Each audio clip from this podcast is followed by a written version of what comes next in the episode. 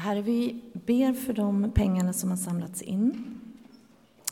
Vi ber att de ska brukas till din ära.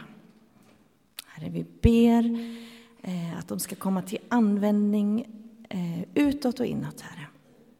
Och vi ber, Herre, att du ska ge full vishet till dem som använder de här pengarna.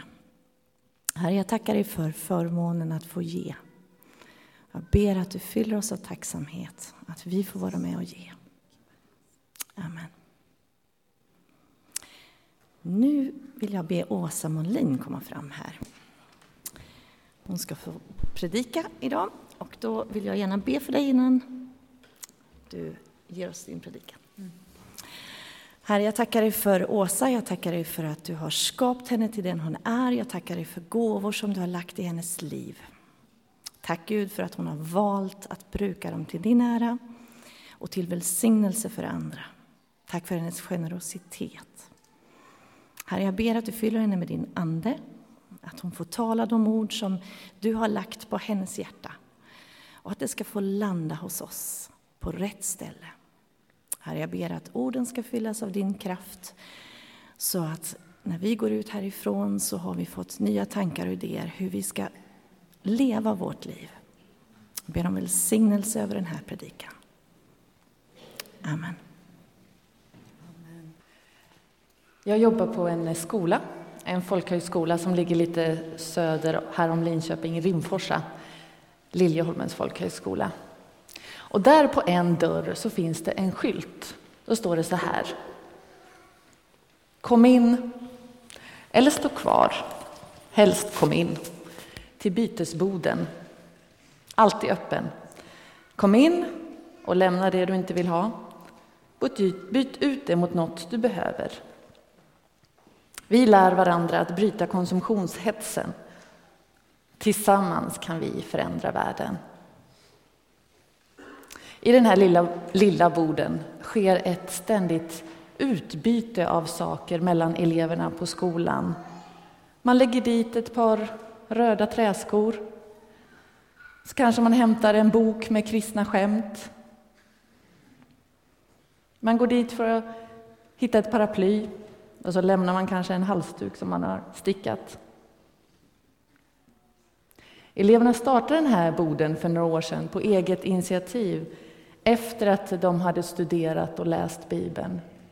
Just om Guds rike, hur det bryter in i vardagen, temat för den här gudstjänsten. De hade läst om hur Guds rike är ett rike på tvären. Ett, en inbjudan till att leva sitt liv på ett annat sätt när det gäller pengar och generositet. Men också när det gäller makt, våld, sex, relationer. Och dagens predikan handlar just om det här riket på tvären som inte går i samma riktning som de vanliga ränderna i samhället. Och därför har jag valt att ge predikan rubriken Att leva på tvären. Ja, vi ska snart dyka ner i själva texten som vi har läst, men jag vill berätta om en, eh, en händelse till också från skolan där jag arbetar. Den får ligga och lysa lite som en bakgrundsbild på era mentala inre skärmar när vi fortsätter. En morgon när en av mina kollegor skulle börja sin lektion så saknades det en adapter som hon behövde för att eh, kunna göra sin lektion. Men som tur var så visade det sig att en av eleverna hade just precis den här adaptern som hon behövde. Eh, så hon fick låna den. Och när lektionen var slut så sa eleven, ja men du den där adaptern den kan ligga kvar här i klassrummet, vi lägger den här i lådan, om det kanske är någon annan som behöver den sen. Mm. Så de la den där i lådan. Men sen när den här eleven som, som ägde adaptern behövde den lite senare, då fanns den inte längre där i lådan. Så hon gick runt lite till skolan, de andra eleverna, och frågade så här, har ni sett min adapter? Nej. Har du lånat min adapter? Nej. Den fanns ingenstans. Okej, okay, så hon tänkte, ja, men det kanske är någon som har tagit den eller så. Den har försvunnit. Eh, men sen, några månader efteråt, så dök den här samma adaptern upp igen, helt mirakulöst. Och vad händer då? Jo, då tar den här tjejen och sätter en liten lapp på adaptern där det står låna gärna. Och så lägger hon tillbaks den i lådan igen. Låna gärna. Dagens text som vi läste kom ju från Apostlagärningarna 2. Kapitlet, kapitel 2 i Apostlagärningarna börjar med uthällandet och intagandet av Anden. Det sker med dunder och brak, eldsflammor och mäktiga dån. Anden utgjuts över alla Jesus vänner. Och vad händer då? Hur ser deras liv ut efter det? I vår text så står det så här att de lyssnade på undervisningen uppmärksamt och att de gav sig själva till det gemensamma livet. Det står om hur de åt, att de åt tillsammans regelbundet i varandras hem. Och när de gjorde det så var det fest, för de delade en jublande, uppriktig glädje. De bad och möttes varje dag troget i templet. De bad för många sjuka som blev friska. Under och tecken skedde. De hade allting gemensamt. De sålde sina extra ägodelar och delade ut så att ingen behövde sakna någonting. Och varje dag tog de emot nya människor i sin gemenskap. Varje dag. När vi frågar oss hur ser Guds rike ut rent konkret? Hur kan man göra för att få syn på det? Ja, då har vi väldigt bra ledtrådar just i den här berättelsen.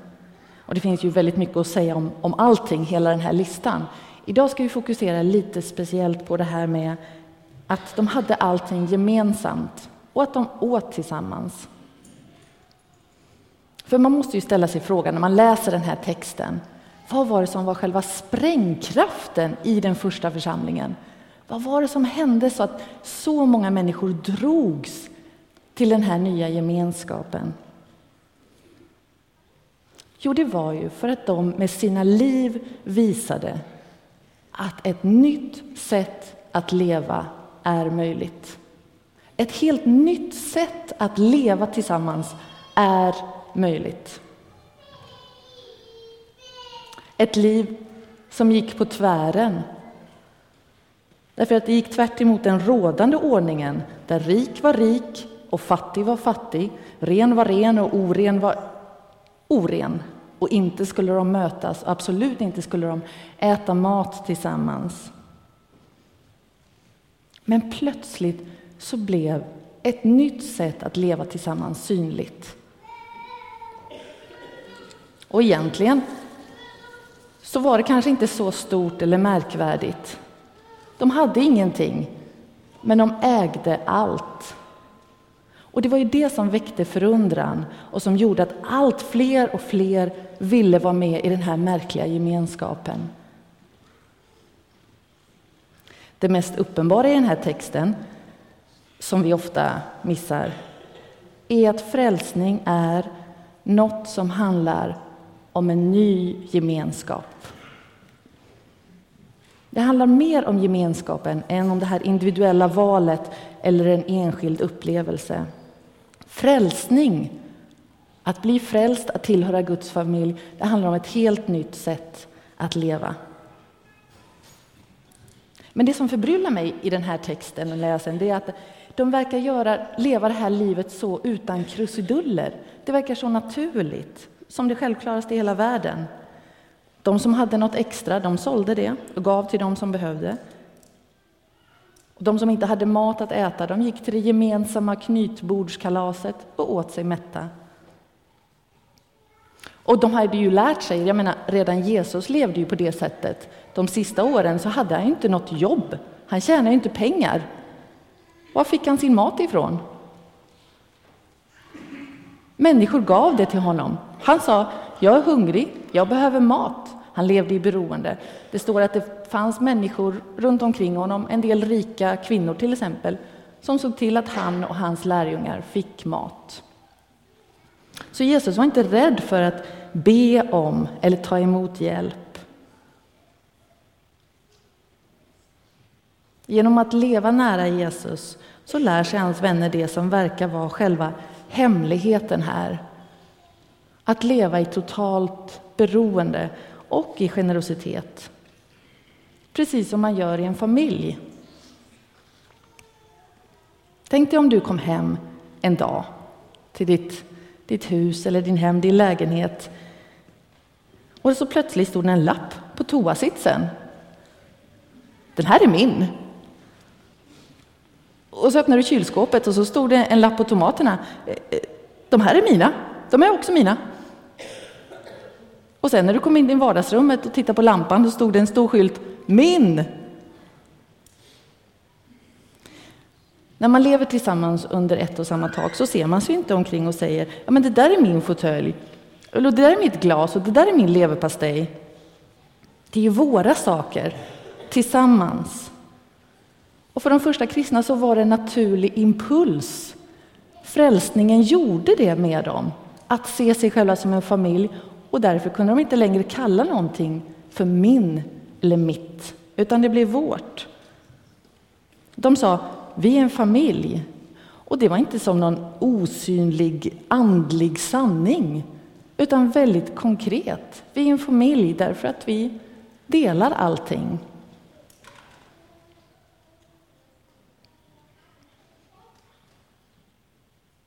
Lika onaturligt som det vore att man tänker sig i en familj så satt några i ena delen av vardagsrummet och vräkte i sig söndagsmiddagen och så satt några andra i andra hörnet och, och, torr, och knaprade på några tre torra brödkanter. Lika onaturligt skulle det vara i den kristna första församlingen att inte dela med sig till sina syskon.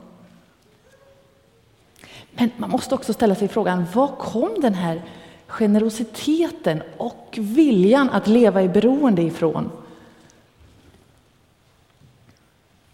Jo, det kom från en omvälvande insikt i att allting är Guds. Allt är Guds. En djup erfarenhet av nåden. Och att ingenting av det som jag har är, eller är egentligen är mitt eget, utan allt är en gåva från Gud. Det finns en, en teolog som heter Miroslav Wolf och han säger så här. Att ge till Gud, det är att ta emot någonting från Guds högra hand och lägga tillbaka precis samma sak i Guds vänstra hand.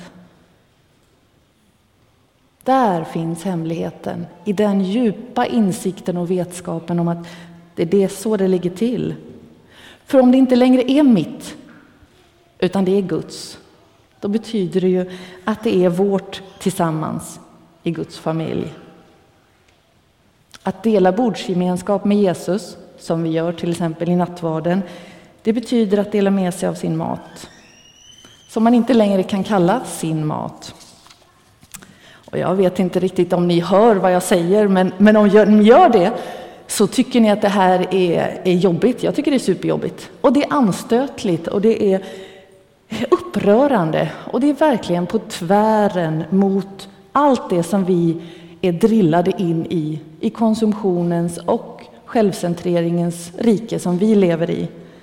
Men eh, som Ian Lowry en gång sa här, Ian är med i församlingen, han sa en gång till mig så här, vill man ha privat område, stör ej skyltar kring sitt eget liv, då ska man välja att följa efter någon annan än Jesus.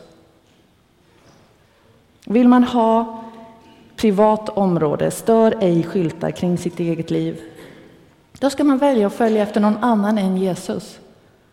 Ja, man kan fortsätta att välja, man kan följa honom på Twitter, men, men man kan inte följa honom i verkliga, riktiga livet.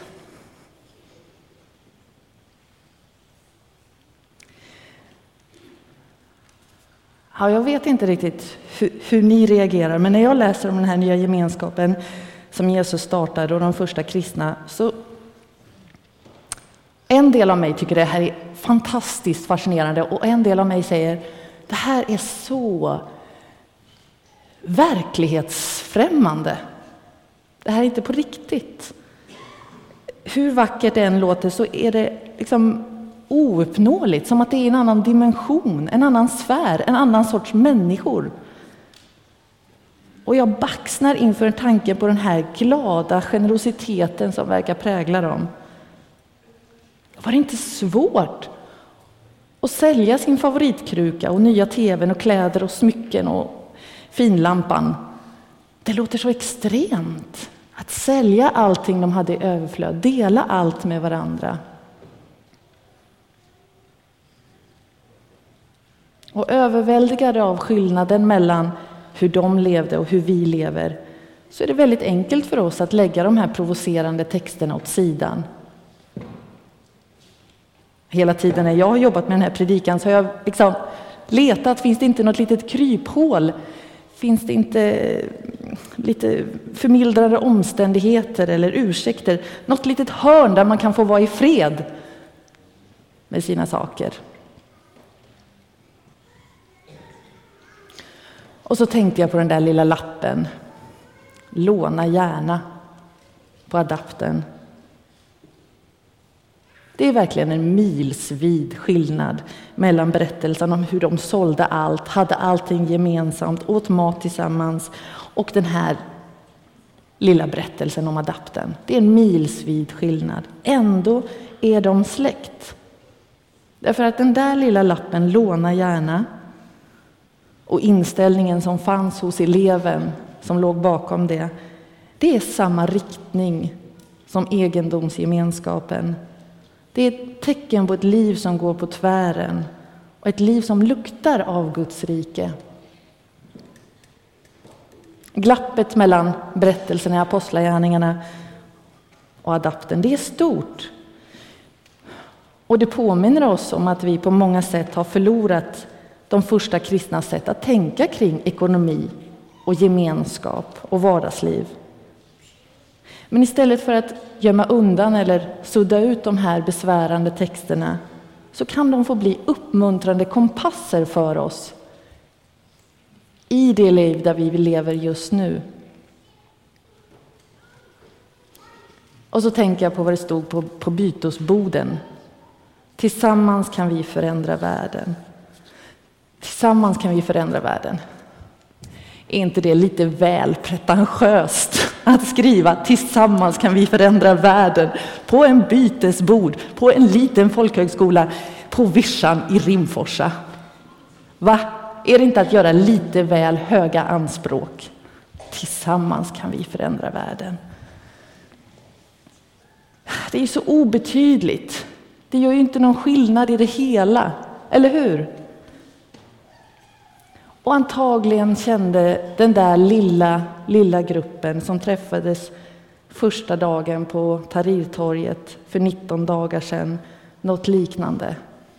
Vi är ju så få. Kan det göra någon skillnad? Vi är obetydliga i skuggan av en diktator och ett förtryck som har varat i 30 år. Det är precis så som motståndarna till Guds rike vill få oss att tänka.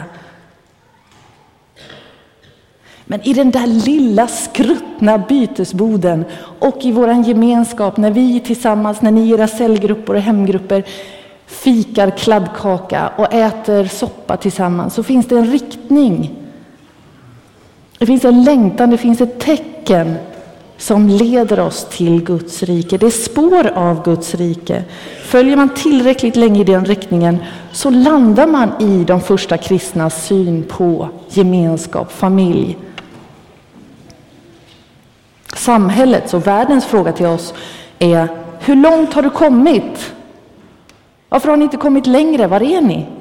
Men Guds fråga till oss är vad är eran riktning?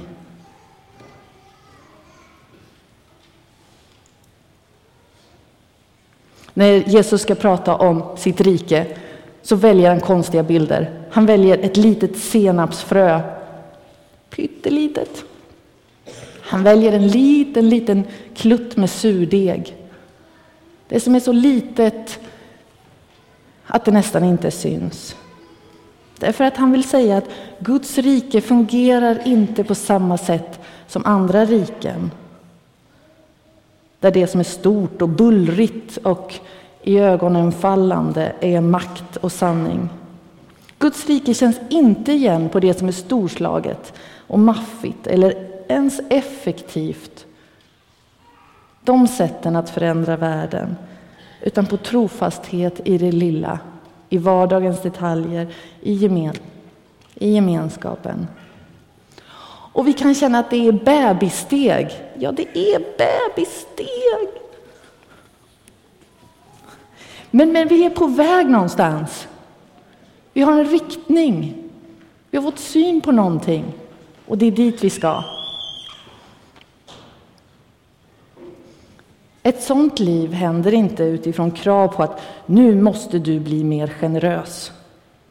Utan det kommer utifrån en förvandling inifrån, en djup insikt om Guds oändliga generositet mot oss. För vår generositet kommer ju inte ur oss själva. Vår generositet är ju bara ett gensvar. Det vi redan har fått tagit emot ur en hand är det vi ger tillbaks till den andra handen. Till och med vårt givande är en gåva från Gud. Och därför tror jag att mer än vi kanske be, ska be Gud, gör mig mer generös, så, så kan vi backa ett steg tillbaka till i våra böner och be Gud, visa mig allt som jag har fått av dig. Bara för, därför att utifrån den djupa kunskapen så växer en generositet fram som inte är krav, utan som är glädje. Och det är bara då vi upptäcker sanningen i att det faktiskt är saligare att ge än att få. Så, om vi ska landa och sammanfatta lite vad predikan handlat om. För det första, att leva i Guds rike är att leva i Guds familj. Om du ska berätta för någon vad predikan handlar om så, så kommer nu här tre punkter. Tre punkter du kan komma ihåg och så du kan berätta för någon annan om predikan för. Att leva i Guds rike är att leva i Guds familj. Det vet vi ju. Att, att försöka vara kristen själv, det är lika omöjligt som att försöka ha ett släktkalas på egen hand. Eller starta en revolution för den delen. Vår kallelse är faktiskt inte främst att bli generositetshjältar som får sjukhus uppkallade efter oss, även om det vore lite coolt också, eller hur? Men det är inte det som är vår kallelse, utan att tillsammans med andra leva liv som går på tvären mot det liv som levs i världen.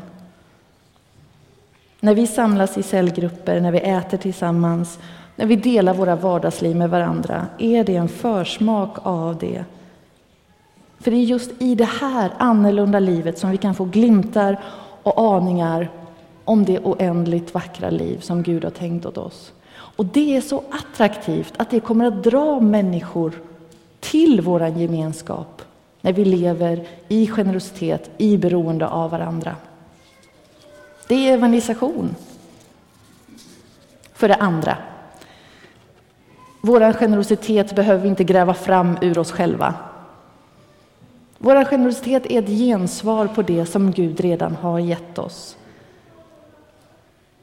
Det börjar alltid med att vi upptäcker vad Gud har gjort för oss. Och det är en väldigt stor skillnad på det, att ge bort det som är mitt eller att ge vidare av det som jag redan har fått ta emot. I Bibeln står det om en kille som hittade en pärla i åken. Och det häftiga tycker jag är att det står att han med glädje gick och sålde allt han ägde. Med glädje! Helt självklart att han kunde sälja allt han ägde för den pärlan han hade funnit. Kanske dröjer det innan vi är så helgade som John Wesley som när han fick höra att hans hus hade brunnit ner till grunden sa Herrens hus brann ner. Halleluja, ett bekymmer mindre för mig. Men det är ändå uppmuntrande att det finns människor som har nått dit. Och för det tredje, ta ut riktningen och så börja gå mot den. Ta ut en riktning.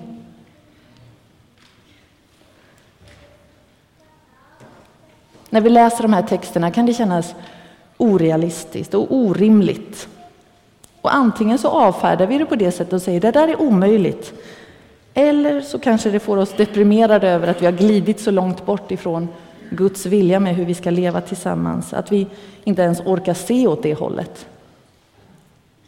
Men vi behöver Guds nåd att orka se åt det hållet.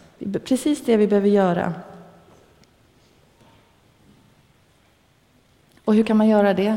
Det kan se väldigt olika ut. Kanske till exempel börja skriva låna gärna på våra grejer.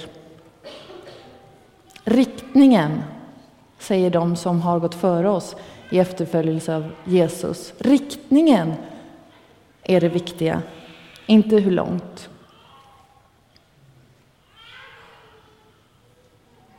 Och så bara några små korta ord på slutet om hur det här kan landa i våra liv.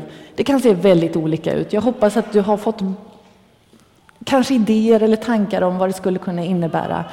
Eh, jag vet inte, det ser väldigt olika ut. Men, men ett steg kan ju vara att börja prata om den här längtan. Jag vet att det finns mycket i den här församlingen. Längtan efter att dela livet på ett djupare sätt med varandra i vardagen. Och det kan vara att hålla upp en liten flagga där det står Hej, jag, jag vill leva närmare andra människor, äta mer mat tillsammans, dela min stege och min gräsklippare och min högtryckstvätt och vara barnvakt ibland. Och så kan vi mötas i det. Kanske betyder det att gå runt och märka allting du har, bokstavligt eller bildligt, med lappar där det står given av Gud, ägd av Gud, ska användas av Guds syften. Och när du är igång och sätter lappar på din bil och din TV och dina kläder, så glöm inte att sätta en lapp på dig själv också. Och jag vet här i församlingen finns det också någonting, en slags hjälpförmedling som Claes och Anna har dragit igång. Stämmer det? Är Claes här? Hej Claes! Herr Claes, han har ett sånt fantastiskt förslag på vad man kan göra. Vill du säga något nu?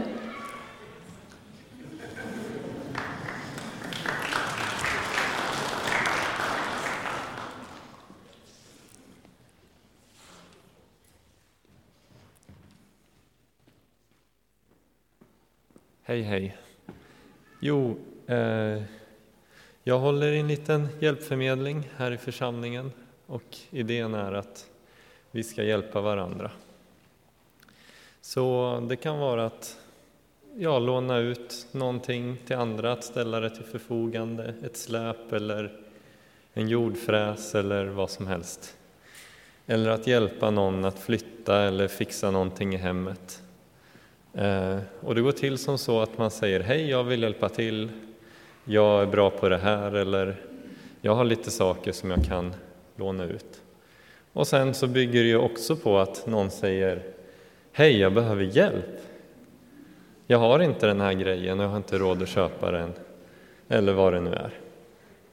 Eh, så ni får gärna prata med mig och så kan vi se vad vi kan göra.